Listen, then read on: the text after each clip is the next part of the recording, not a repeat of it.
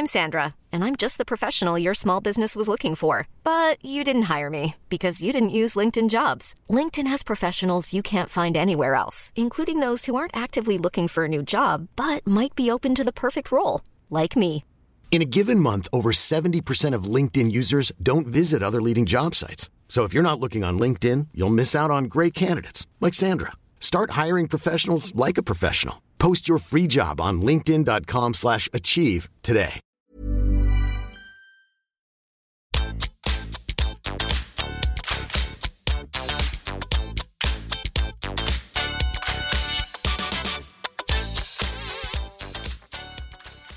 Alle sammen, og velkommen tilbake til podkasten Karriereveiledning med Elaine.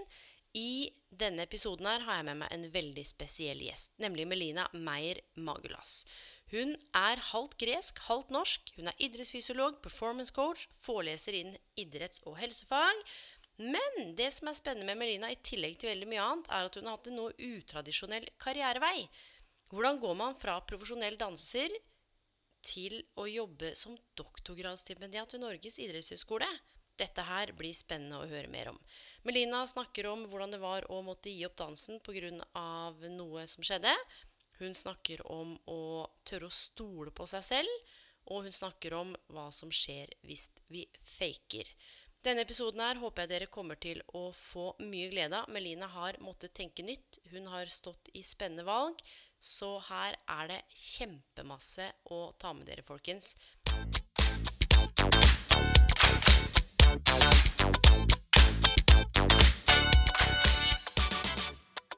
I dagens episode, mine venner, er jeg så heldig å få lov til å ha med Melina Meyer Magulas. Melina, er du der? Ja, hei, Lein. Hei, Melina. Så koselig. Du, Veldig koselig. ja, jeg er så glad for at du hadde lyst til å være gjest på den podkasten her. Fordi vi kjenner hverandre noe. Vi har jo vært kollegaer en stund. Ja, det har vi. Samtidig så vet jeg ikke så mye om karrierehistorikken din, og det er derfor jeg har lyst til å gjøre et karriereportrett av deg, for du er jo veldig inspirerende og har gått fra å danse til å nå holde på med en doktorgrad. Ja, stemmer. Ja, det er jo veldig hyggelig at du finner det liksom verdig, podden verdig. Veldig, veldig verdig.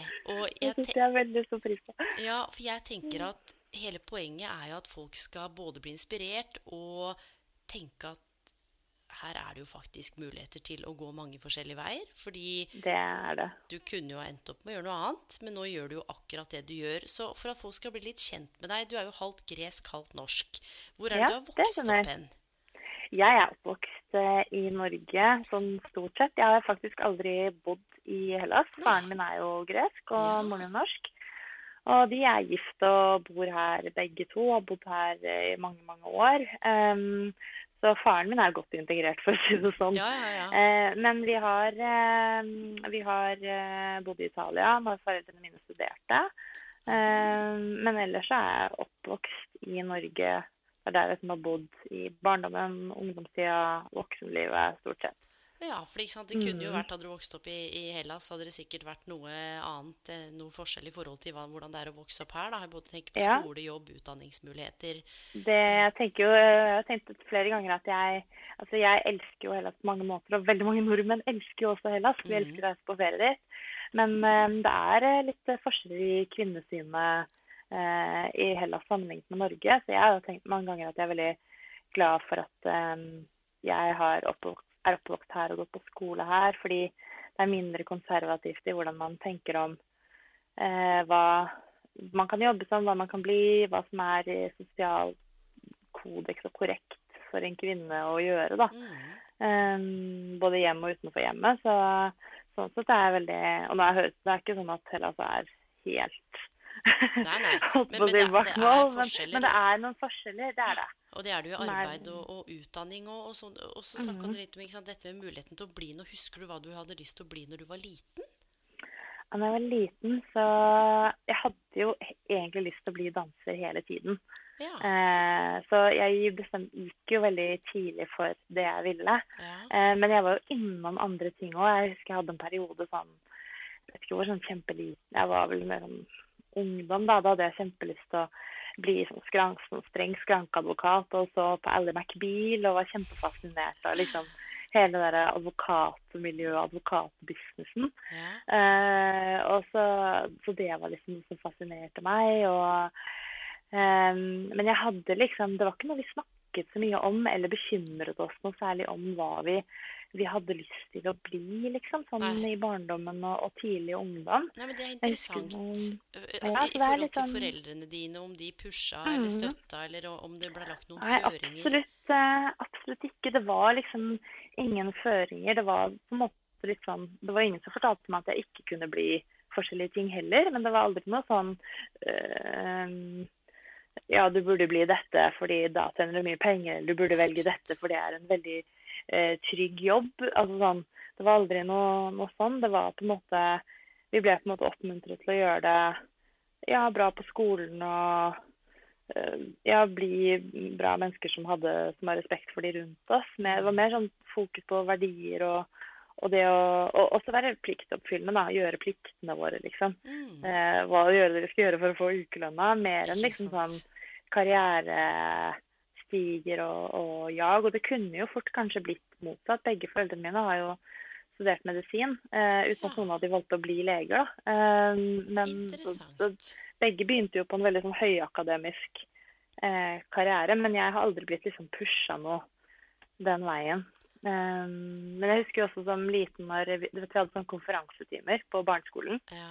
Eh, og da husker jeg at eh, jeg fortalte læreren på konferansetimen, og hun spurte hva jeg ville bli. ja. Og da sa jeg at jeg var veldig redd og bekymret for at jeg måtte bli forfatter.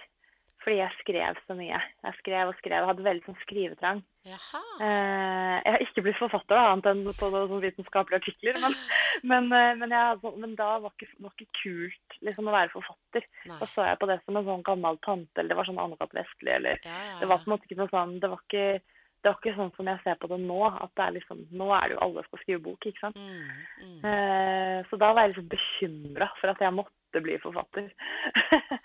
Men eh, ellers så er det liksom Det er jo det å, eh, liksom det å underholde og stå på en scene, og det er liksom det som hele tiden trakk i meg da, fra jeg var kjempeliten. Men hva, hva, hva handler Altså, hvor har du den inspirasjonen i forhold til dans? Var det noe som du kjenner Kanskje høres litt rart ut å spørre om, som bare Ja. eh, bodde i deg, eller ble du inspirert av typ, du vet, MTV, eller foreldre? Ja, nei. MTV var jo egentlig sånn seint i forhold til den inspirasjonen til å skulle stå på en scene og bli danser og underholde. Ja. Eh, I min familie så har vi alltid hørt veldig mye på klassisk musikk, og det har alltid blitt spilt mye klassisk. Mm. Så jeg har liksom fra jeg omtrent kunne gå, så har jeg jo trippa rundt og, og liksom lekt ballerina. Eh, uten, at noen, uten at det liksom har blitt projisert på meg fra noe annet enn at jeg ble tatt med kanskje litt på Nøtteknekkeren når det var liksom jeg var kjempeliten og det var julaften eller jul og sånne ting. da. Eh, men jeg har aldri Jeg husker når vi var på, hvis vi var på teater Vi, gikk- vi var alltid tatt med mye på teater. Det har vært heldig å blitt liksom tatt med mye på sånne type ting. da, mye Ja. tatt med på mye kulturarrangementer fra jeg var liten. Så det har sikkert gjort inntrykk, da. Syns alltid det var veldig spennende å se forestillinger og, og skuespill. Alt sånn Hakkebakkeskogen og. Og jeg hadde jo, jeg var, hadde jo veldig lyst til å, å stå på de scenene. Når det var f.eks. karneval og sånn i barnehagen, så ville jeg, valgte jeg alltid karakterer fra eh, forestillinger jeg hadde sett, da, som jeg ville kle meg ut som. Skulle være klatremus eller skulle være Ja. Så, så jeg var veldig sånn, fascinert av hele den teaterverdenen. Og jeg ble tatt med ganske mye på sånne ting. Da. Så det har jeg sikkert gjort Ja, eh, veldig inntrykk uten at jeg faktisk har tenkt så mye over det før nå. Ja, ja, men og det er derfor dette karriereportrettet her. Vet du hva jeg opplever? ikke sant? Jeg har jobba med veldig mange mennesker nå, gjort en del Mm. karriereintervjuer. Veldig ofte så opplever folk litt sånn aha-øyeblikk og begynner å connecte dots litt. Grann, at det som, Ja, det hadde jeg aldri tenkt på, faktisk. Nei, men Er ikke det interessant? At der veldig. kan det være at noe starter å spire og gro som man egentlig ikke var Mhm. klar over. Og hvor ikke viktig det er at man nødvendigvis blir tatt med på, på kultur, for det kommer jo an fra både kultur og, og hvor man er fra, hva man har tilgang til, og hva man liker. Ja. Men at der kanskje noe av grunnlaget ble lagt for Mm. litt sånn forma i forhold til hvem du var, eller tenkte at du hadde lyst til å bli, da. Jeg tror absolutt det. Det var jo sånn høydere gjennom, gjennom det var, Når eh, jeg ble, begynte å bli tatt med på mye av disse barneteaterforestillingene og sånn, så Ja.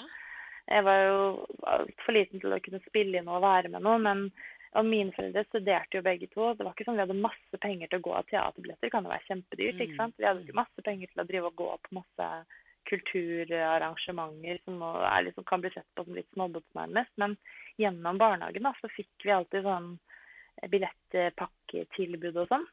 Eh, og det var liksom sånn Det benyttet ble alltid benyttet, da.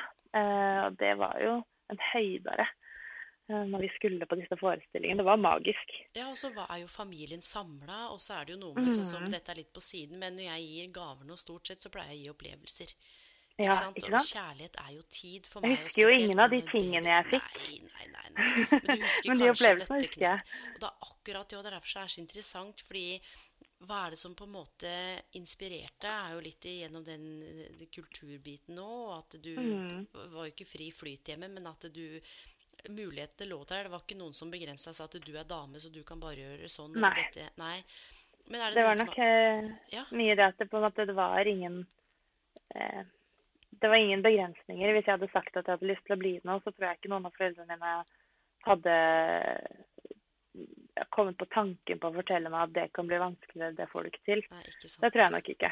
Nei, og, og det er jo Mm. interessant, fordi ja, Klarer du å, å klekke ut noen som har inspirert deg? Altså Har foreldrene dine inspirert deg, eller noen si, kjendiser? Hvor, er det noen enkeltpersoner? Ja, altså sånn i forhold til dansen, tenker du? At jeg liksom ville gå den veien, som Ja. ikke nødvendigvis er en veldig enkel vei. um, nei, altså det var mer den der gleden over å bevege seg og kjenne Mm. at jeg, jeg mestret og fikk til ting. Mm. Eh, og liksom når man danser, så glemmer man jo litt ting rundt seg. Man er jo Mm. veldig i Selvfølgelig, du tenker jo på at du skal Det er jo mye estetikk i dette. Du tenker jo også på hvordan det blir mottatt av den som ser på publikum. Mm. Det begynner du å tenke på som ganske liten, faktisk.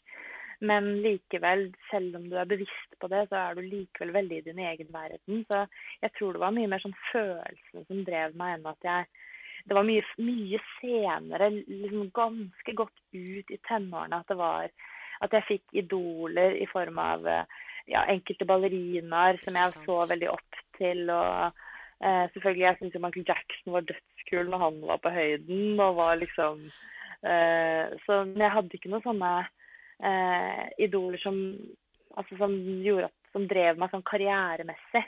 Jeg digga jo Backstreet Boys, jeg som alle andre, på en måte. Ja. Men, eh, men det var ikke Og det var ikke sånn jeg ville bli Britney Spears. Men, men eh, det var nok mer sånn følelsen av den opplevelsen jeg får da, og fikk jeg danset som, som jeg ville bare ha mer av. At man blir litt sånn hekta, rett og slett. Ja, men hva gjorde du da? Altså Ungdomsskolen, videregående? Hva, hva, Ja, altså jeg danset jo holdt på å si hele tiden, jeg var jo innom masse andre idretter også. og Det er jeg veldig glad for. At jeg liksom ikke eh, At jeg fikk bli eksponert for flere ting. Um, så jeg danset eh, et par ganger i uka sånn gjennom eh, barneskolen og ungdomsskolen. Og så ble det mer og mer seriøst egentlig utover ungdomsskolen. Da danset jeg egentlig faktisk stort sett hver dag. når jeg tenker meg. Det var på Ja. barneskolen jeg danset et par ganger i uka. Mm. Og jeg valgte jo f.eks. å ikke konfirmere meg fordi jeg hadde dansetrening. Så jeg hadde jo ikke tid til å være på Ja. Jeg hadde jo ikke tid til å være på disse konfirmasjonssamlingene som var sånn et par kvelder i uka og, noe Ja, sånt, og på leir og sånn. Det, bare, det fant jeg ikke verdig i min tid i det hele tatt. Jeg kunne ikke se hvordan det Og som, som eh, Hvis du velger å bli danser, så føler du jeg følte i hvert fall at jeg hadde ekstremt dårlig tid. Så fra jeg var sånn 13 år, så hadde jeg konstant dårlig tid. ja. Fordi du vet, og du lærer tidlig at det er veldig kort karriere, spesielt for kvinner. Mm. Det er jo beintøft for kroppen, og det er, du kan bli skada. Du vet ikke hvor- populær du blir som danser. Du lever jo litt på nåde at andre skal like deg og du like det du gjør for å gi deg jobb. Ja, så etter at jeg var ferdig med både videregående og videre dansedannelse, så levde jeg jo av. Det var det jeg Gjorde du det, var- Melina? Har du ja. levd av å danse? Ja, jeg har levd av å danse. Wow. I den grad du klarer det som frilansdanser. Så det vil si periodevis så lever du av det du tjener på å danse, og periodevis så jobber du deltid på andre ting, da. Men hva er det du jobba deltid med, hvis jeg kan spørre? Um, Ja, da jobba jeg alt fra å jobbe i dansebutikken eh, og selge ballettsko og, og ballettdrakter og, og sånn, til å ja, jobbe i klesbutikk og jobbe som servitør og det som typisk alle frilansskuespillere og dansere gjør da, når de er mellom prosjekter og mellom jobber og sånt. Ja, men jeg tenker det er så viktig å si noen ting om òg, fordi bl.a. Mm. om det er høyere utdanning eller man ikke holder på med høyere utdanning, så er det av og til at jeg opplever at folk ikke ser relevansen i det de gjør. Om du så er å stå mm. i kassa på Rimi i 20% eller jobbe i den klesbutikken, eller vaske de gulvene, eller jobbe på det kundesenteret, så er det all erfaring er jo verdifullt. all erfaring er veldig verdifullt. Ja, og man gjør ting utover stillingsinstruksen. Så det du kanskje opplevde når du jobbet med service, ikke sant? det er jo ting du kanskje mm. kan ta med deg i dag. Ja, og jeg lærte jo masse av det. Og du lærer deg noe som er veldig viktig i i arbeidslivet. Nå har vi jo på en måte fast forwardet litt, da, men, men, det du lærer deg, er jo liksom, du lærer deg en viss omgjengelighet. Mm. Og, og, det å være serviceinnstilt, det å prøve å se hva andre trenger, yes. prøve å etterkomme ønskene deres. Eh, og så lærer du, liksom, du lærer jo å interagere med ulike mennesketyper, og det, det kommer alltid godt med. Ja. Og så lærer du selvfølgelig litt om budsjetter og økonomi, og det lærer sånne ting lærer du av å jobbe i butikk. da. Ja, det, Styre penger og Det er akkurat det her som gjør at for noen som jeg møter, er sånn ja, men jeg vil bare jobbe med det, eller jeg er bare utdannet innenfor det. Og så tenker jeg mm. kanskje i en periode mens du søker drømmejobben, finn deg en jobb i mellomtiden som du kanskje opplever eh, Noen tenker at ja, men dette er jo beneath me. Eh, så mm. tenker jeg at Men det er jo ikke så lur tankegang å ha, spør du meg. For det, det, det gjør noe med mulighetsrommet ditt, da.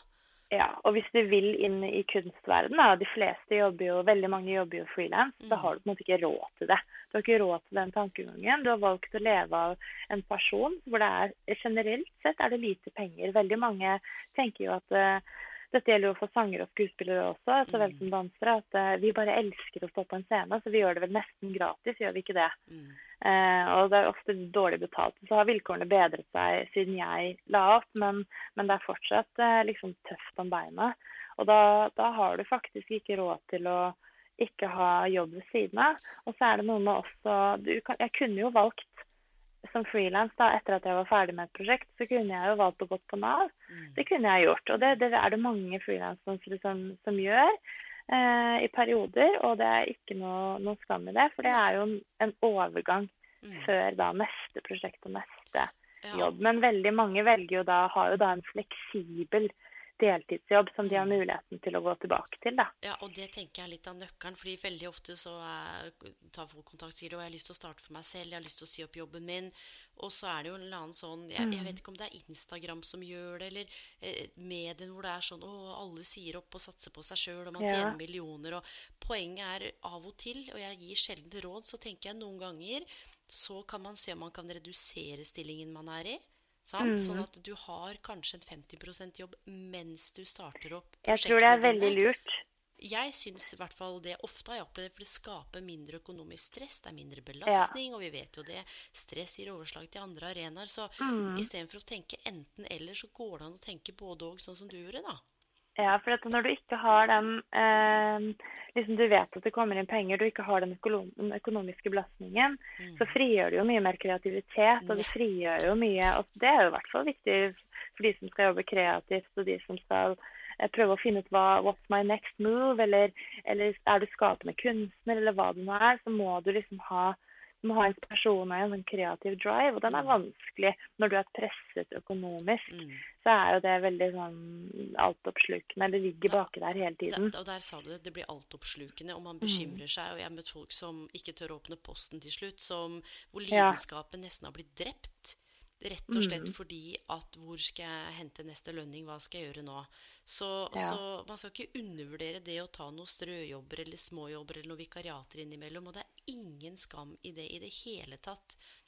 Nei, det er, eh, det er liksom Og så tror jeg du var inne på noe viktig i forhold til hva folk ser. Mm. Um, det kan virke som at noen bare snur på hælen så fort, og så plutselig har de skapt en ny sånn kometkarriere. Mm. Men, men man, det man ofte ikke ser, er jo at, eh, at folk det, Altså denne utfasingen og innfasingen av ulike karrierer og ulike jobber. Mm. Og det var jo sånn jeg også gjorde. altså etter etter videregående, da gikk jeg jo først gikk jeg jo danselinja ett og et halvt år, og så byttet jeg til Montessori-skole.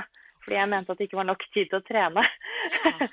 Så, så da byttet jeg til, eh, til en Montessori-skole, hvor det er jo sånn ansvar for egen læring, og du har mye frihet. Ja, jeg digger Så da Montessori. ja, jeg Jeg, for meg passet det veldig bra. For Mm. alle som var ganske pliktoppfyllende, passet det veldig bra. Ja. Og for de som ikke var fullt så pliktoppfyllende og selvstrukturerte. Ja. Og det var typisk litt sånn en del av gutta i klassen, dessverre, må jeg si. Så eh, det var litt sånn skille der. Um, så, så kunne man stryke norsk, f.eks. Men eh, for meg så fungerte det veldig bra. Og da um, så da ja, så jeg bytta skole der. Og så etter videregående så gikk jeg videre på Da hadde jeg trent veldig mye ballett, men da var jeg litt sånn jeg var ikke ballettlei, men jeg ville ha litt noen forskjellige typer dans. Og da gikk jeg på Bordarakademiet. Og der er det sånn masse musikalartister som har gått, og veldig, veldig sånn Jeg er litt sånn kjent som litt sånn musikalskole, men jeg gikk en danselinje da med ballett og moderne som litt sånn spesialiseringsretning, kan du si. Men levde du av det da mens du gikk på Bordar, eller var det på en måte Nei, da, det er utdanning. Så Ja. da er du student i tre år, Ja, rett og slett. nettopp. Da er du dansestudent. Så du gikk der i tre tre jeg år? Da gikk jeg tre år. Um, og det er full timeplan, fulltidsstudent, ja. masse, masse trening og masse alt egentlig som kan være tilknyttet scene og kunst. Um, Du driver jo ikke da- med ja. nå. Så jeg er så er nysgjerrig, jeg og det var et spørsmål som kom inn nå. Hva, hva skjedde? Ja, hva skjedde? Ja, ikke sant? Så eh, gikk jeg meg jo ferdig som student der, og så hadde jeg egentlig råflaks. fordi akkurat når jeg var ferdig uteksaminert, eller utgradert derfra, så åpnet den nye operaen. Det som nå er operaen i Bjørvika. Ja. For da var den helt flunk ny, og da skulle de ha masse nye prosjekter inn der, og masse gjestespill. Så min første dansejobb, det var på Den Norske Opera. Og det er jo liksom Da har du på en måte På et prosjekt som skulle vises der, da, i flere forestillinger. Og da har du liksom Fra mitt ståsted da hadde jo liksom skutt gullfuglen omtrent. Jeg hadde jo ikke regna med at min første jobb skulle være på en sånn, et sånt flott, eh, en sånn flott institusjon. Nei, det Wow. Så det var jo snakk om være på rett tid rett sted. Det var, det var ikke sånn at jeg var super special og fikk den jobben, men det var liksom en sum av mange faktorer, som det ofte er i Mm. når, man- når tilfeldighetene liksom klaffer. Ja. Eh, men da, og den jobben gjorde at eh, jeg også fikk eh, liksom andre jobber etterpå. Så det var på en måte én ting som var veldig bra, som jeg fikk som veldig fersk, Mm. eh, som fikk ballen til å rulle. Og så jobbet jeg jo da som danser etter det. Eh, I flere år. Og så, som jeg nevnte innledningsvis, så er jo det ganske beinhardt for kroppen. Så Mm. jeg hadde jo allerede begynnende skader i ryggen når jeg gikk på Borderakademiet.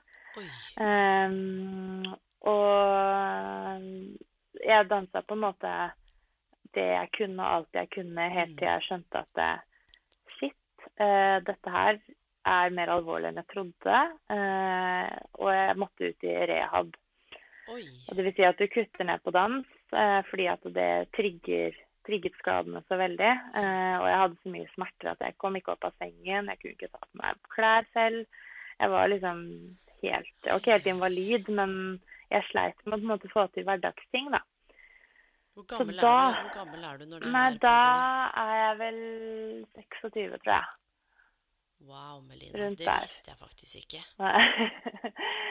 Så da eh, Jeg skjønte jo at det ville være fornuftig å få seg en plan B. Mm. Så du hadde ikke hatt kan- noen plan B før det? Ingen plan B. Eh, ikke sånn i utgangspunktet. Så da eh, begynte jeg å tenke litt på ok, hva annet kan jeg gjøre. Jeg hadde fryktelig gode karakterer fra videregående Mm.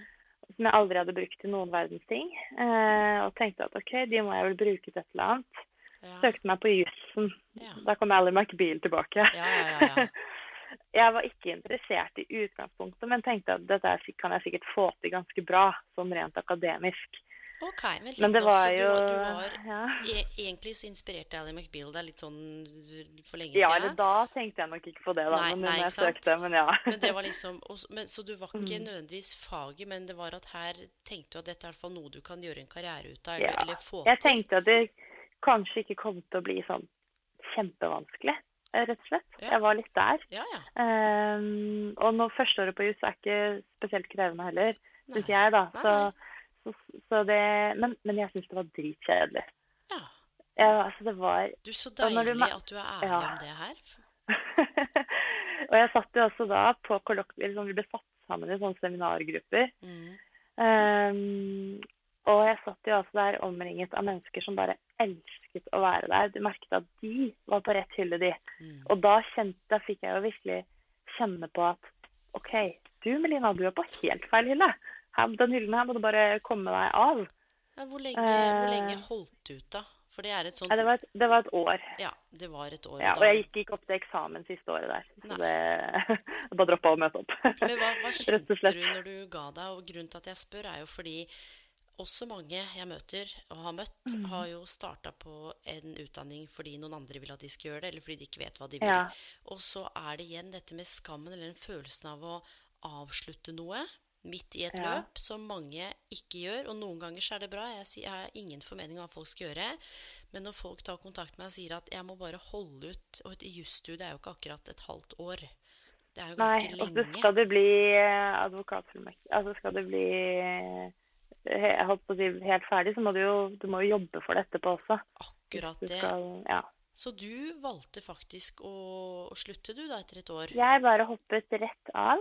Var det noen som sa noe til deg, Eh, kritiserte deg, delte du det med noen? Hvordan var Nei, jeg tror eh, på en måte de som kunne vært mine største kritikere, ville nok vært liksom foreldrene mine. Faren min er ganske sånn, han har høye krav. Ja. Der var det alltid sånn Hvis jeg fikk en femmer, så spurte han hvorfor jeg ikke, hvorfor jeg ikke fikk en sekser, f.eks.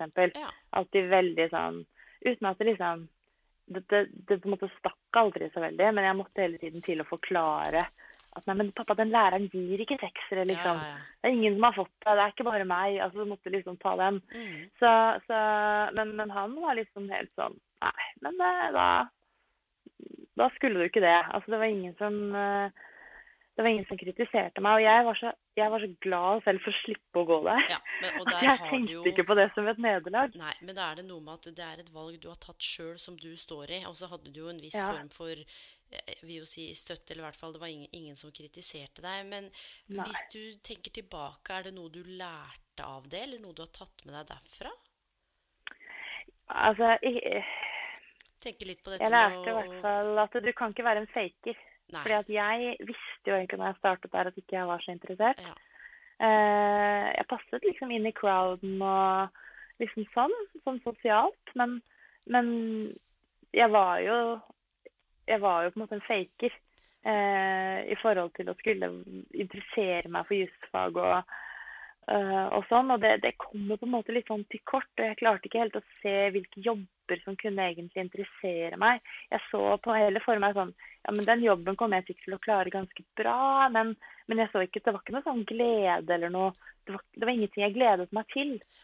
Um, så, så det jeg på en måte lærte, var jo at sånn, du kommer på en måte ikke så langt med å, å, å fake person. Da. Og det er ikke at alle trenger å ha sånn kjempepassion for utdanningen sin.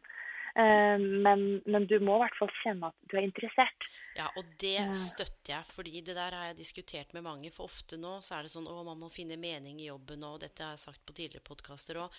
Noen er fornøyd med å gå på jobb fra åtte til fire eller på nattevakt. Ja, Samle opp pengene sine og gå hjem. pengene, gå hjem, og så er det masse mening i familie, hobby, kjøre bil, Ja, pusse båter Du har på en måte et annet liv utenfor. Yes, og det er Mm. helt innafor, fordi vi er så forskjellige. Men jeg liker det du sier med å at jeg ikke ville være en faker, fordi det her handler jo om å være tro mot seg sjøl. Er det én ting jeg har lært, både på egne vegne, men i møte med andre òg Vi veit Altså, jeg må si det på engelsk We know when we betray ourselves. Vi bare, vi Eh, bare ja. veit det inni oss når noe er rett eller galt. Og det var jo vel akkurat sånn det var. Mm. Og da når jeg hoppet av jusstudiet da, så da danset jeg jo ved siden av. Um, Og da var ryggen ok, eller? Ja, det var sånn jeg kunne danse. Jeg måtte, som de fleste som har en idrettsskade sammen må, må justere litt og sånn. Du kjenner at du, du presterer på en måte ikke helt på topp, men du Mm. håper å komme tilbake på topp, da. Mm.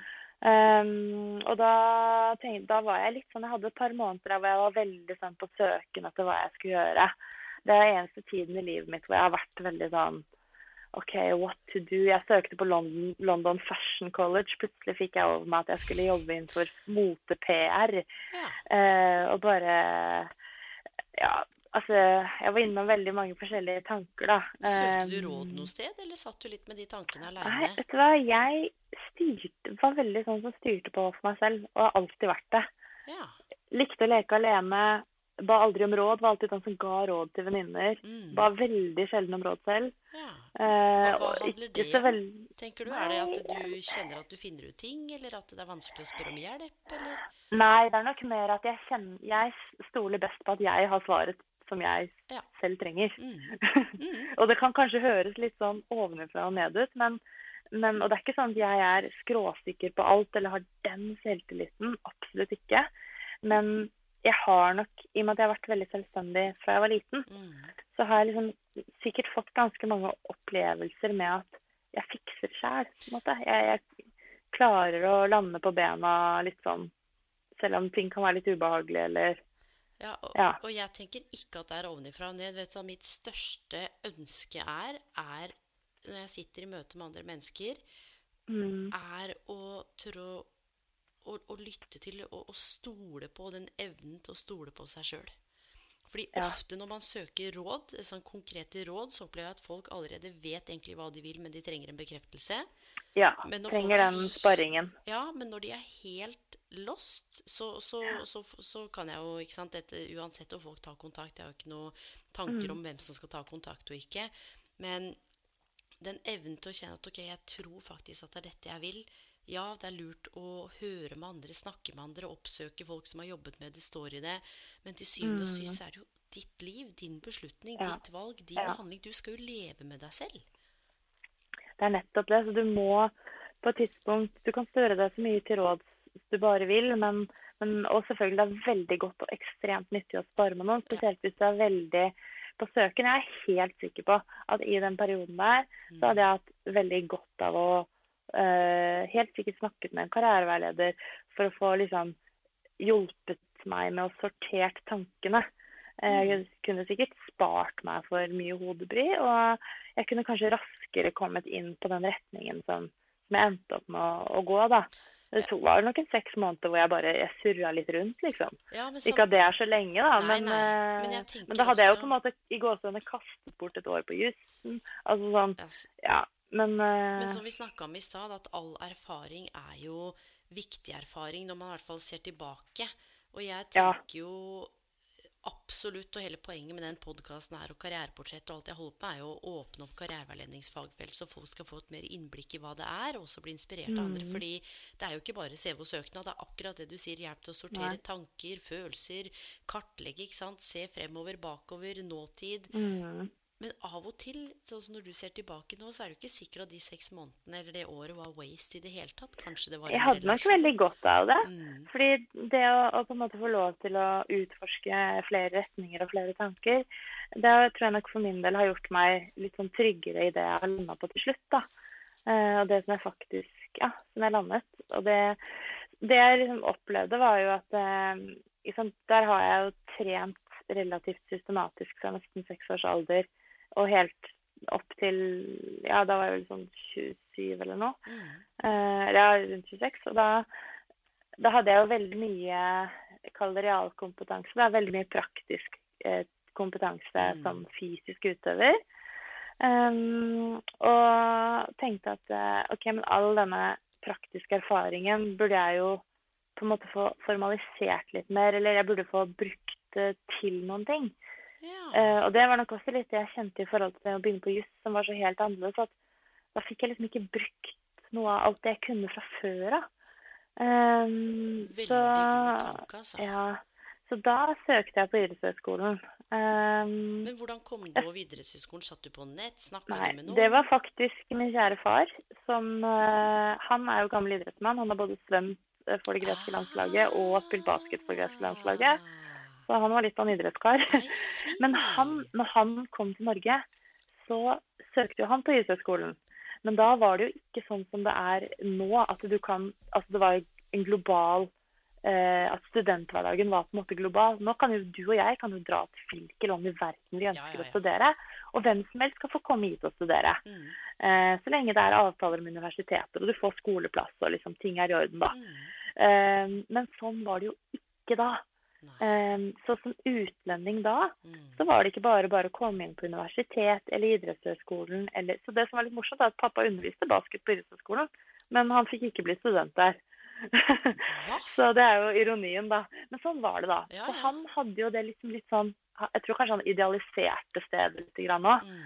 Uh, men han var litt sånn Ja, men søk på idrettshøyskolen. Søkte jeg der det samme året som jeg søkte på jussen, Ja. og kom inn, men da takket jeg nei. Og jeg tror jeg takket nei litt sånn på trass. Jeg har ganske bestemt far, som sagt, men jeg ville bestemme det selv. så da viktig, men det der er en veldig viktig refleksjon. ja, så da var det, det var Jeg tror ganske sikkert at det var litt på trass at jeg takket nei. Ja, ja. Og det var egentlig veldig fint, fordi at det gjorde at jeg søkte året etter igjen. For jeg hadde jo litt lyst, da. Ja. Um, men jeg ville ikke innrømme at det, altså jeg ville det skulle være min idé Ja. og mitt påfunn. Yes. Så da kom jeg jo inn da, og opptaksprøve og nye runder igjen. Fikk eh, plass og takket ja. Og da kom jeg jo i klasse med han som nå er min mann. Så det var jo veldig fint Wow, at ikke jeg begynte året før. Du, altså Wow. Og hva, hva er det det- dere studerte? Ja, så da begynte mm, Eirik, da, som mannen min heter, og jeg, vi begynte da på idrett grunnfag. Ja. Eller idrettsvitenskap. Bachelor idrettsvitenskap begynte vi på da. Mm. Og da du, går du først et år med idrett grunnfag, og så velger du retning. Og da valgte både han og jeg valgte idrettsbiologi. Var det tilfeldig, eller var det sånn dette her var liksom Litt sånn chemistry? Det var nok Vi eh, inn, Da når vi gjorde de fagretningsvalgene, så eh, kjente ikke vi hverandre kjempegodt, faktisk. Mm. Um, så det var nok mer interesse. Han reiste ekstremt mye. Han jobba da med Petter Northug. Nå er han landslagstrener i langrenn. Mm. Men da jobba han sammen med Petter Northug som service og alt mulig mann og skitester, så han reiste masse. Jeg jobbet fortsatt frilans som danser, Ja. så jeg hadde sånn toppidrettsstatus og var borte veldig mye fra skolen. Utsatte noe fag og fikk tilrettelagt studieprogresjon, ja. sånn at jeg kunne fortsette å danse. Mm. Med min skakkjørte rygg. Jeg prøvde, for, prøvde jo Du ga deg ikke liksom med den dansinga? Nei, og det var litt grunnen til at jeg begynte på idrettshøyskolen også, var fordi at da kunne jeg fortsette som utøver. Jeg tror ikke jeg hadde begynt hvis jeg ikke hadde hatt den muligheten sånn fra mitt ståsted da. eh, Min situasjon da. Mm. Så vi var de to som var borte fra skolen hele tiden. Derfor ble ikke vi så godt kjent før vi faktisk begynte på idrettsbiologi. Eh, og vi kom i litt mindre klasser. Mm. Så da eh, ville det seg sånn at vi havnet på samme gruppearbeid pga. hvor vi sto på klasselista. Og da ble vi jo veldig godt kjent. Og så kom kjemien litt etter hvert, og vi skrev bacheloroppgave sammen, og det var veldig sånn Herregud, du God kjemi på laben, labben, kan du si. Mannen din? Ja. Wow. Så, ja, så fortsatte vi jo på mastergrad da, etterpå det, og det var veldig naturlig progresjon for begge to å gå rett på master. Vi var veldig sånn Vi var kommet så godt inn i det, trivdes så godt og hadde fine studiehverdager. Og innen vi da begynte på master, eh, det året vi begynte, da la jeg opp sånn 100% ferdig med dans. Ok. Hvordan Ja. kjentes det, da? Den, den beslutningen, hva, hva handla den om? Al- Og litt sånn apropos disse fas, det med å fase inn og ut, da. Det Mm. gikk jo litt i en fase. Ja. Fordi jeg fikk jo da mm, oppfølging via Olympiatoppen, som jeg hadde muligheten til fordi jeg var student på idrettshøyskolen, Mm. Av en eh, veldig dyktig fysioterapeut som jeg hadde som foreleser, eller manuellterapeut, som heter Ola Eriksrud. Og han eh, stilte meg litt sånn et ultimatum eh, en av behandlingstimene der, fordi jeg holdt på å si maste og spurte om Han trodde liksom hvor lang tid jeg, jeg, jeg, Han trodde ting ville ta, og liksom Når kunne jeg være klar igjen, og sånn. Og da husker jeg han så bare på meg og bare Du vet hvilke skader du har. Du vet hvor ille det er. Nå må du faktisk vurdere om du skal klare å plukke opp unga dine fra gulvet om ti år, Mm. eller om du skal liksom tvinge deg tilbake. Og du vet ikke engang om det liksom kommer til Altså han Det var skikkelig sånn tough love. Var ikke det bra, da? Eh, Istedenfor sånn rundt grøten flere ja. år med frem og tilbake? Og akkurat der så trengte ikke jeg Det var akkurat det jeg trengte da. Mm. Jeg trengte ikke den derre Og det kan kanskje virke veldig sånn hjerteløst. Og, og har du bare litt tro på deg selv, så skal du gå for det. Det sier jo jeg til andre, og det får hører du andre si. Men, men så er det noe med at fra et helsemessig perspektiv Ja. så må du av og til få en realitetssjekk. Yes. Og da var det han som tok den, og jeg fikk egentlig bekreftet det jeg hadde innerst, Inne- inne yes. visste. Når du ikke klarer å liksom stå opp av senga før du har liksom Ja, Mm. at du fungerer ikke før du har gått deg i gang, og du Ja. har smerter i skolehverdagen. Jeg tok ung ikke sant? ja, ikke sant? Tok 10-12 Paracet hver eneste dag i lang tid. Ja. Så, så det var på en måte dråpen, da. Så da, da Men det som skjedde, var at jeg fant meg en ny idrett. Ja.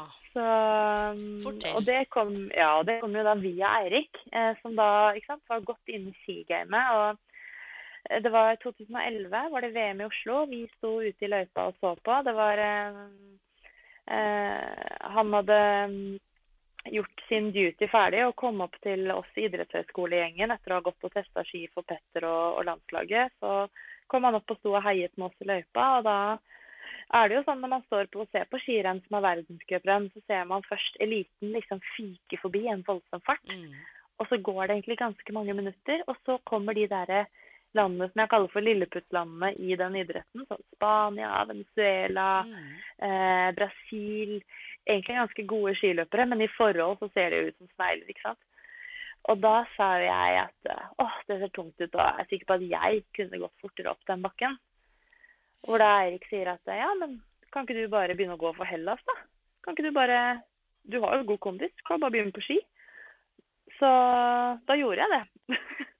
Da gjorde du det, og du har jo faktisk deltatt i Sida. Si det til oss. eh, tre VM har jeg vært med i, faktisk. For Hellas. For Hellas. Og nå sist VM i Seefeld, da hvor jeg klarte å kvalifisere meg for alle distanser. Det var jo et stort mål for meg, så Ja. det er jeg jo litt stolt av. Om du bør være herre. Så jeg har jo vært en working athlete rett og slett de siste seks årene.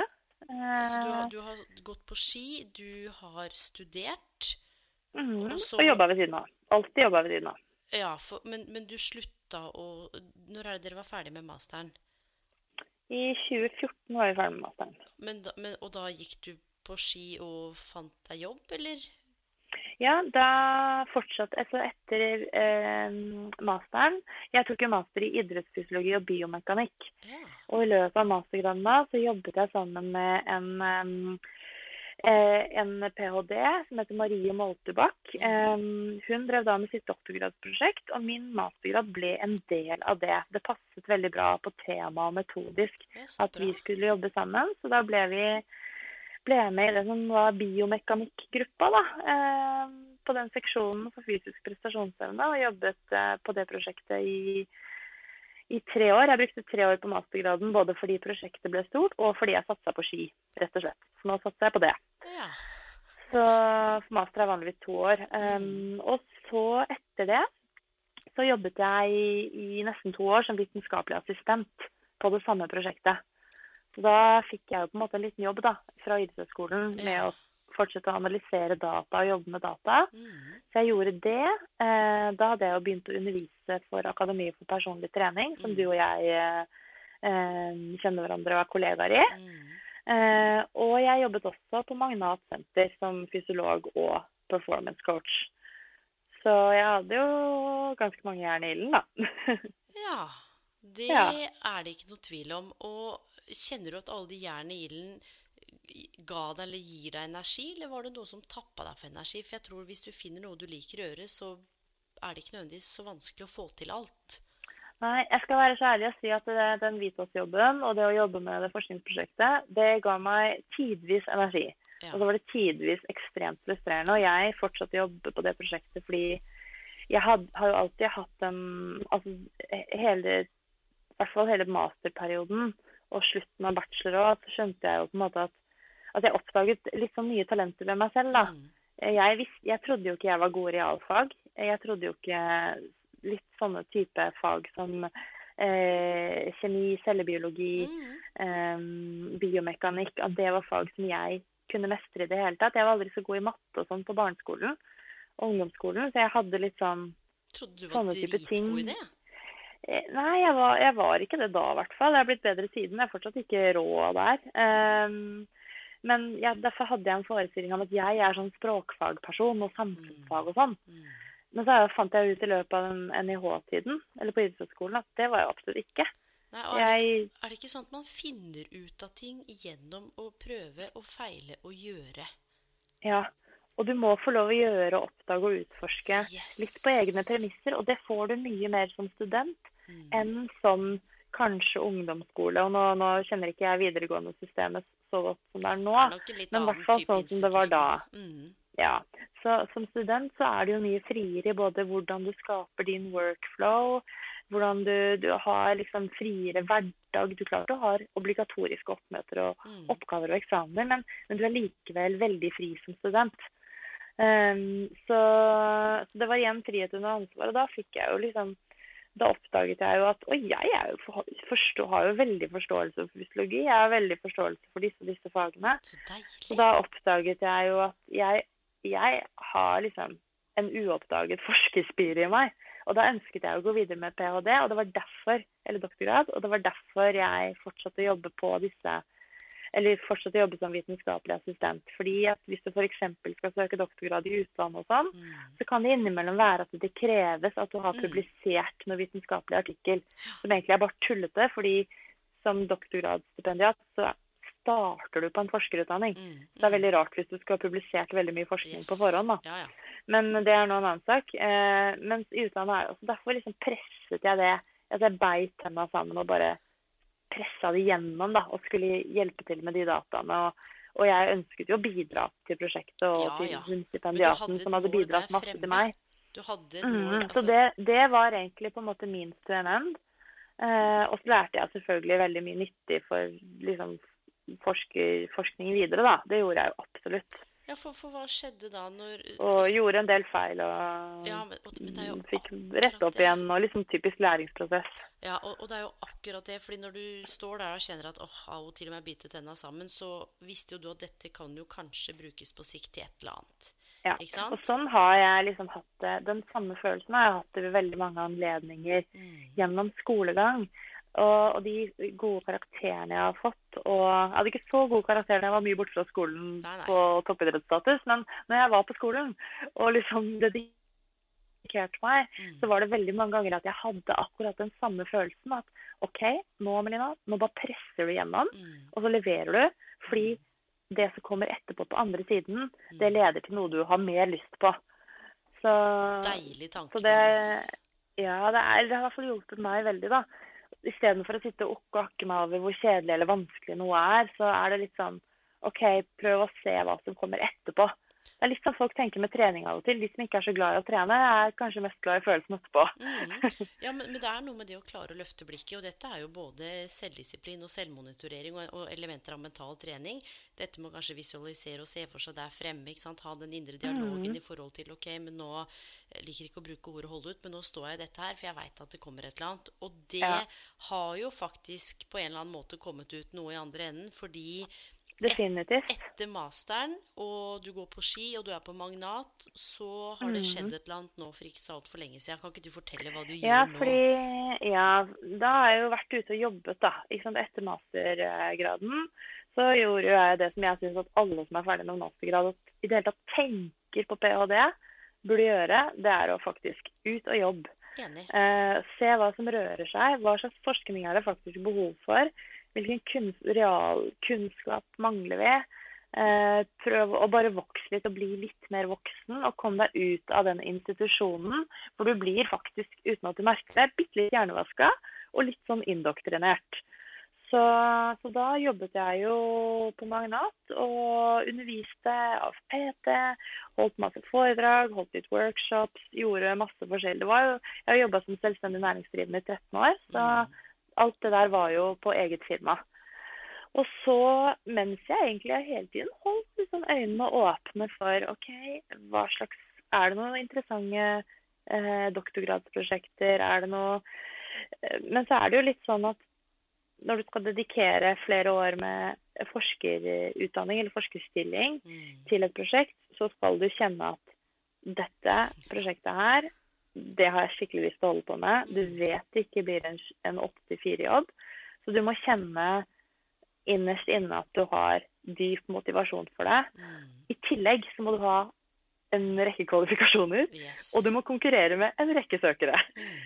Så da Jeg har egentlig bare søkt på tre prosjekter.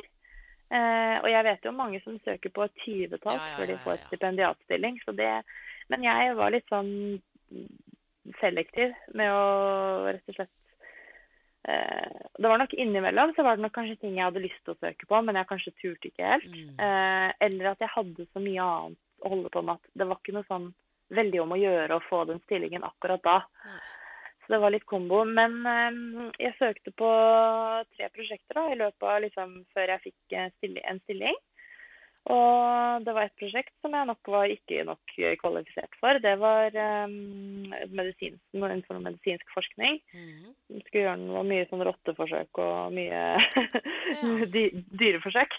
Eh, men innenfor hjerte og sirkulasjon, da, som er jo mitt felt uh, på mange måter. Så den fikk jeg ikke. Og så søkte jeg på et annet prosjekt hvor jeg ble shortlistet uh, som en av to potensielle kandidater til stillingen. Fikk Mm. ikke stillingen, så det var kjedelig. Eh, men så rett etterpå kom den stillingen som jeg har nå, ut. Eller egentlig mens den eh, prosessen gikk da, med den som jeg ikke fikk. Ja. Den som jeg ble shortlistet på. Eh, og da søkte jeg på det prosjektet og var inne til intervju. Og da informerte jeg jo om at jeg hadde søkt på et annet prosjekt på samme institusjon. Og visste ikke hvordan og at jeg var en av to kandidater, men visste ikke hva svaret ville bli. Men at jeg var vel så motivert for dette prosjektet og, og sånn. Og så, eh, så fikk jeg jo tilbud, da. eh, om den stillingen som jeg nå har, som er da en stipendiatstilling eh, innenfor doktorgrad i idrettsmedisinske fag. Så mm, det er da min fulltidsstilling på idrettshøgskolen. Mens jeg jobber med alt mulig annet utapå. Så du er fast ansatt for første gang i ditt liv? Ja, det heter vel egentlig midlertidig Ja, ja, ansatt, ja, ja. strengt tatt. Ja. Eh, Det blir ikke noe gullklokke, tror jeg, i Nei, den det stillingen. men, eh, men ja, så nå er jeg, nå er jeg fast ansatt. eh, Eller ansatt der, da. Så det er, veldig, det er litt annerledes for en, en som har vært frilanser i hele sitt liv, og skulle liksom være fast ansatt. Eh, samtidig så har du veldig mye frihet og fleksibilitet i den type stilling. Ellers hadde det sikkert ikke eh, gått, antageligvis, i og med at du har vært vant til å styre deg sjøl i 13 år. Ja, du må på en måte. Ja, ikke sant. Det hadde vært, jeg kjenner jo bare det å skulle bruke mer tid på kontor enn jeg er vant til, er jo en omstilling. Men, men samtidig Nå er jeg i en sånn fase hvor jeg er litt sånn forelska i prosjektet mitt. Så nå Så går det veldig fint. Men. Men jeg vet jo av erfaring at eh, alle forskningsprosesser går i faser, så jeg kommer til å rive meg i håret etter hvert også. Så, men da gjelder det å tenke på det som kommer på andre siden, da. Mm. Og, men hva, hva er det Mm. du ønsker å bidra med gjennom den forskningen du driver med nå, da? Ja, altså, jeg har jo gått en sånn slags reise med meg selv i forhold til sånn, hva slags forskning syns jeg det er verdt å gjøre. Mm. Fordi at eh, jeg har jo levd hele mitt liv i en veldig sånn prestasjonsboble. Eh, både da som danser, eh, når du driver med langrenn og utholdenhetsidrett, så er du veldig prestasjonsorientert. Mm. Tilbrakte seks år på seksjon for fysisk prestasjonsevne. Du blir veldig sånn eh, kjørt inn i det sporet. Og etter hvert som jeg da kom ut i jobb eh, og møtte veldig mange forskjellige typer mennesker, veldig mange pasienter, eh, så så jeg på en måte litt mindre og mindre behovet for den prestasjonsrettede forskningen. Og jeg har veldig dyp respekt for den type forskning. Mm. Men eh, det er en luksusforskning. Det er veldig sånn eh, accessory, hvis du skjønner meg. Ja. Eh, det, sport og underholdning og, og prestasjoner er jo eh, viktig for eh, samfunnet. Det, det knytter oss sammen, og, og det har veldig mange samfunnsmessige fine funksjoner. Mm. Men det å liksom skulle dedikere ekstremt mye av tiden min til å eh, liksom få en elitegruppe til å prestere bitte lite grann bedre, eller lære om en elitegruppe. Og det brukte jeg jo masterprosjektet mitt på, på å lære om en elitegruppe. Mm. Eh, veldig interessant, men det føltes litt lite nyttig fra mitt perspektiv. Og jeg tror jeg bare har blitt mer voksen. Så jeg syns jo fortsatt prestasjon er ekstremt spennende, men det som fenget meg ved det prosjektet som jeg starter opp nå, det er at nå skal jeg forske på helt motsatt. Nå skal jeg forske okay. på hvor farlig er det egentlig å sitte stille. Hva gjør stillesitting med kroppen din? Nå har vi jo stadig mer sånn stasjonære arbeidsmetoder og måter. Vi sitter mer og mer på ræva. Eh, vi lever lenge, men vi lever lenge mye pga. moderne medisin. Også fordi vi har bedre helse enn vi hadde på 1700-tallet. Men likevel så er det en del sykdommer som er i altså virkelig fremadstormende. Som er da nye sykdommer. Det er ikke tuberkulose og syfilis, men det er diabetes type 2, metabolsyndrom, mm. fedme og overvekt som følge av inaktivitet og også dårlig kosthold.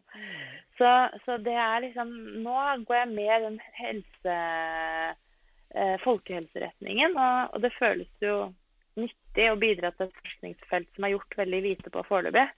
Um, og kunne være med å liksom pushe feltet litt, da. Ja, og jeg tenker at det handler jo også litt om hvor, hvor pengene ligger. Altså, nå- Definitivt. og, og det så blant skal jeg være at av og til så jo, blir det jo ut penger til forskning fordi det, som du sier, med eliten og Det er mye med det. Og så er det jo noe med det du gjør nå på sånn jeg kaller det sånn gratrot, grasrotnivå. For, for mm -hmm. sånn mannen i gata for hvermannsen. Fordi man vet jo ikke effekten eller konsekvensen av kall det stillesitting enda, hvis du skjønner hva jeg Nei. mener? Vi vet jo at det ikke er bra, men vi vet på en måte ikke Vi har ikke kvantifisert. Vi vet ikke, Men vi har ikke målt egentlig Mm. hvor dårlig er det.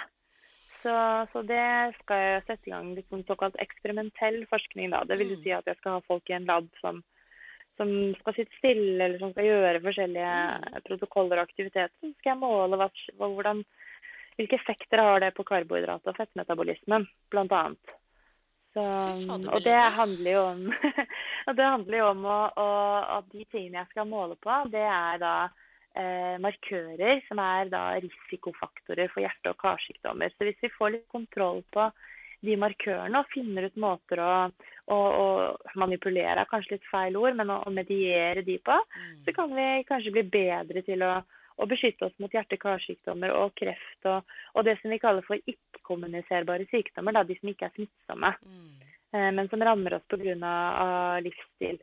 Så det handler jo om å forebygge tidlig død og, og forebygge de sykdommene som vi dør mest av.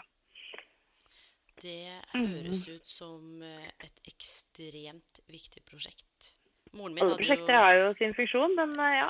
ja, men moren min hadde hjerteinfarkt for eh, to-tre år siden og opererte ut en Uff, 7 ja. cm svulst på hjertet nå, så det går litt sånn rett hjem hos meg når du snakker om de tingene her. Og der eh, Ja. Sorry, moderen, men du har ikke vært den mest aktive. Eh, og, og, ja, men det, det der er det jo en klar Nei, og da er det da vi kan være så glad for moderne medisin, da, som kan på en måte redde oss inn. Men, men så vil man jo alltid, og uten å virke på en måte følelsesløs, men man vil jo ofte stille seg spørsmål om hvordan kunne man unngått dette? Mm, Hva kunne vi gjort? Hva er minste kliniske liksom, mm. relevans? Hva er minste man kunne gjort for å få maks eh, gains, maks effekt på, på helsen? Du, dette her, Melina, da har vi snart snakka over en time. Vi er faktisk Ja. nødt for å runde av, men det har jeg ikke noe lyst til, merker jeg. Jeg har lyst til å høre mer, så det blir nok en oppfølgingsepisode på deg. jeg har sikkert uh, skravla nok. Jo, men, men det er jo det som ikke sant? Du, du deler på en sånn måte, opplever jeg, som gjør at det, det er lett å følge. Og jeg forstår jo eh, hvor tankene går altså, du, du er veldig reflektert, det er jo godt gjennomtenkt, dette her. Uten at vi har ikke noe manus i det Ja, det har hele blitt tatt. det, i hvert fall. Det bare Her har eh, praten og flyten gått, og jeg opplever jo at det har vært en blanding av både bevisst valg og som du sa selv, kanskje noen tilfeldigheter inni der. Rett sted til rett tid. Men igjen, når man snakker om tilfeller, så er det du allikevel som har valgt å, å satse på skiret. du har valgt å, å droppe jussen. Ikke sant? Sånn at eh, Mm. jeg opplever jo når du snakker, at du har hatt en litt sånn utradisjonell vil jeg si, karrierevei fra dans Ja, til det du Det driver var med nå. akkurat det ordet jeg satt og tenkte på. At jeg liksom Jeg, jeg er jo Veldig mange sider av meg er ganske konservativ, og du blir litt sånn av å være i akademia og jobbe med forskning også. Mm. Men, men jeg har eh, Jeg ser at eh, behovet mitt for å, å lære å trives Mm. eh, og, og kunne utforske og få holde på med noe jeg interesserer meg for, det har vært større enn trygghetsbehovet mitt. Fordi hvis trygghetsbehovet hadde vært der, så hadde jeg, da hadde jeg valgt en annen retning. Eh, men du lærer deg jo at som eh, kapabelt menneske til at du skal alltid klare å skaffe deg penger. Du skal alltid klare å lande på beina. Ja, og så er det noe med, å, hvert fall for din del og for min del, å like det vi gjør. Og jeg er også der at trygghet er ikke det viktigste. Og hadde det vært det for meg, så ville det også blitt et helt annet valg. Og Mm. så har jeg jo enorm respekt for de som er opptatt av trygghet, opptatt av faste rammer. Ja. Og det er jo godt at vi er forskjellige. Mm. Sant? Men det er noe med å, å sitte med den innsikt du har nå tenke at For jeg, når jeg lytter til historien din nå, så er den jo til dels utradisjonell, men samtidig, når man ser på en måte sluttresultatet der hvor du er akkurat nå, så er det jo veldig mange ting som henger sammen. ja, men det er Det føles Det er ikke kalkulert, og jeg har aldri hatt en fem- eller tiårsplan. Nei. Så ting Veien har blitt til mens jeg har gått, selv om jeg har hatt noen, noen mål liksom som jeg har ønsket å få til. Men når de skulle komme, det har jeg ikke satt noe, noe tid på, liksom. Nei, og, og det kan jeg relatere til, og det er et langt eh, dikt. Jeg skal ikke ta det nå, men det heter 'Traveler there is no road'. As you walk, you'll Mm. see the path. ikke sant? As you walk, you'll see your footprints. Og jeg Ja. tror i dagens samfunn så Det er så sant, det. Ja, men det er jo noe igjen, og jeg skal ikke skylde på sosiale medier, men jeg ser ofte at å velg det, bli det, eller avisen, ikke sant. Nå velger alle det, ikke velg den jobben der for fremtiden, og nei og nei. Mm. Poenget er at det, hvis du finner noe du har lyst til å gjøre her og nå, hva som skjer om ti år, hva veit vi om det, Melina? Det er, det er supert å ha langsiktig Er ikke det fint at ikke vi vet det? Jo, men jeg mener jo at det er supert å ha langsiktige tanker og planer og drømmer og ha noe å jobbe mot, men det er noe med den reisen man er på, og at veien blir ofte til, og ikke nødvendigvis sånn som man trodde at den skulle bli. Nei. Så hvis du skulle gitt deg selv Hvis du skulle gitt f.eks. 17 eller 18 år gamle Melina et råd, hva skulle det ha Mm. vært i forhold til karriere? I forhold til karriere, ja det, Jeg syns egentlig det er et veldig vanskelig spørsmål. Mm. fordi når jeg selv var 18 år, så var jeg veldig eh, Jeg hadde veldig liksom purpose og retning. Mm. Uh, så jeg var jo egentlig aldri i tvil. Um, men jeg tror på en måte du må Ja, det er vanskelig. Eh, det er så kontekstavhengig også. Yes. Ja, eh, men jeg tenker jo jeg, jeg er litt redd for å si at man må satse på lidenskapen sin. Eh, jeg gjorde jo det, Mm. men samtidig så tenker jeg at du, du trenger ikke nødvendigvis Det er vanskelig å Hvis man ikke finner lidenskapen sin, da Hvis Hvis ikke har noe lidenskap, så går man og føler på det. Mm. Så jeg tenker jo at ehm, Prøv å finne noe du har lyst til å lære deg. eh, og, og liksom teste ut interessen din. Veldig mange er også redd for å begynne på et studie, for tenk om jeg ikke får det til, eller tenk Mm. om jeg ikke trives. Mm. Men vet du hva, du må faktisk bare prøve. Og så er det ganske mange Nei, du vet ikke at det er ganske mange studier man begynner på, og så var det ikke det du trodde det var. Og det Hvis sånn helt Innpakningen var finere og mer attraktiv enn Ja. det du trodde. Og kanskje må du bare komme deg gjennom førsteåret, fordi det er faktisk på andreåret det blir, begynner å bli interessant. mm. Det uh, skjedde i hvert fall meg på idrettshøyskolen. Mm. Uh, det var da jeg liksom begynte å lande. Så, så noen ganger så ja, kanskje du skal presse igjennom og prøve litt til, for du ser at det kommer noen kule fag og noen interesserer deg der fremme. Mm. Men hvis ikke, så er det helt greit. Da kan du prøve å finne noe annet du har lyst til å lære deg, og ikke være redd for å teste ut. Vi er så heldige her. Vi har åtte år med studielån. Mhm. Vi har muligheten til å ha deltidsjobb ved siden av. eh, Og da kan vi tjene ganske godt som studenter. Mm. Sånn at eh, ikke vær redd for å bruke den Jeg har maksa ut studielånet mitt, jeg, på, for lenge siden. Ja. Så, så ikke vær redd for å bruke den muligheten. Det er ikke det du, lånet du skal være redd for, på en måte. Nei, og, og du sier noe som er helt essensielt. Jeg kjente jeg fikk frysninger når du sa det. Hva hvis du ikke har noe lidenskap? For det er jo litt sånn å finne meningen med livet, og alle skal være så lykkelige. Ja. livet går opp og ned, og Mm. akkurat en sånn key takeaway er finn noe du kanskje, som du sa, har lyst til å lære deg. Kanskje det ikke interesserer deg helt, men gjennom at du lærer det, så er det mulig at interessen dukker opp. Kanskje Ja. noen form for lidenskap. Kanskje du Mm. finner ut av hva du ikke ønsker å gjøre, som kan være like så viktig. Nettopp.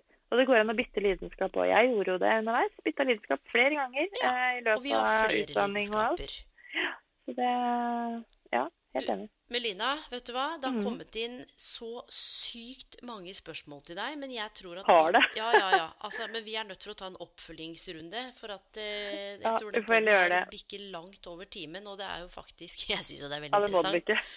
Em, men jeg tenker at vi tar igjen de spørsmålene. Det viktigste for meg nå er at jeg sitter igjen med en sånn følelse av at noen som lytter, kommer til å ta med seg noen ekstremt viktige poenger av det du har sagt.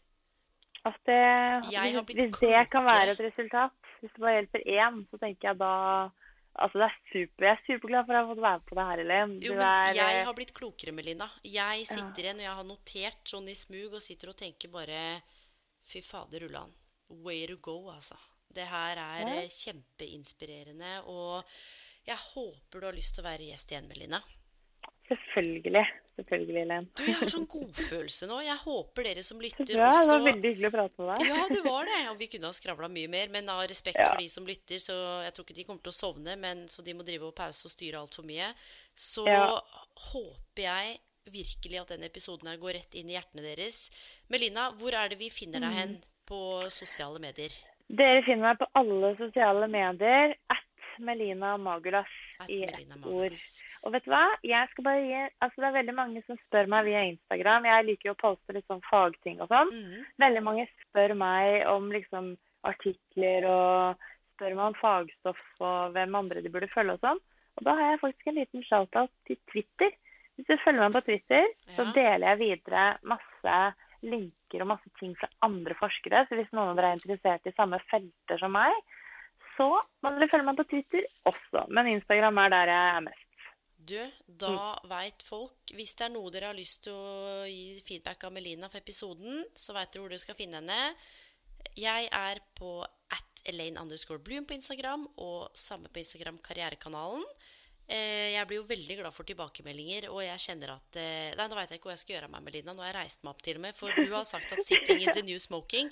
Ja, det, nei, det har jeg ikke sagt, men eh, jeg har sagt at du må ikke sitte for mye. Må ikke sitte for mye. Ja. Så dere som hører på podkasten, vi skulle egentlig sagt dette først. Jeg håper dere reiser dere opp nå, tar en liten snurr og en liten beinpress. Holdt jeg på å si en liten Dans litt i stua. Dans litt i stua. Melina, jeg gleder meg til å ha deg tilbake som gjest. Og kjære lyttere, ha en fantastisk dag, natt, helg, hvor enn dere er i verden. Det er faktisk folk som hører på fra veldig mange forskjellige verdensdeler. Mm. Mhm. Så nå, vet du, nå kommer du til Tyrkia og USA og Frankrike og Portugal. Og, ja, ja, ja, ja, ja. Så Ja. dette her er stas, Melina. Tusen takk for at du bidro, og så gleder jeg meg til å snakke med deg en ved en senere anledning. Bare hyggelig. Takk for meg. Takk skal du ha. Ha det. Ha det.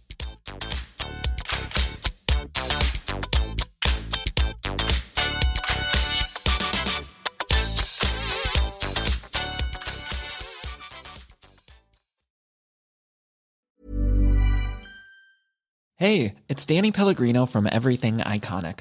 Ready to upgrade your style game without blowing your budget? Check out Quince. They've got all the good stuff shirts and polos, activewear, and fine leather goods, all at 50 to 80% less than other high end brands. And the best part? They're all about safe, ethical, and responsible manufacturing. Get that luxury vibe without the luxury price tag. Hit up quince.com slash upgrade for free shipping and 365 day returns on your next order. That's quince.com slash upgrade. Even when we're on a budget, we still deserve nice things. Quince is a place to scoop up stunning high-end goods for 50 to 80% less than similar brands. They have buttery soft cashmere sweaters starting at $50, luxurious Italian leather bags, and so much more. Plus, Quince only works with factories that use safe, ethical, and responsible manufacturing. Get the high-end goods you'll love without the high price tag with Quince. Go to quince.com slash style for free shipping and 365-day returns.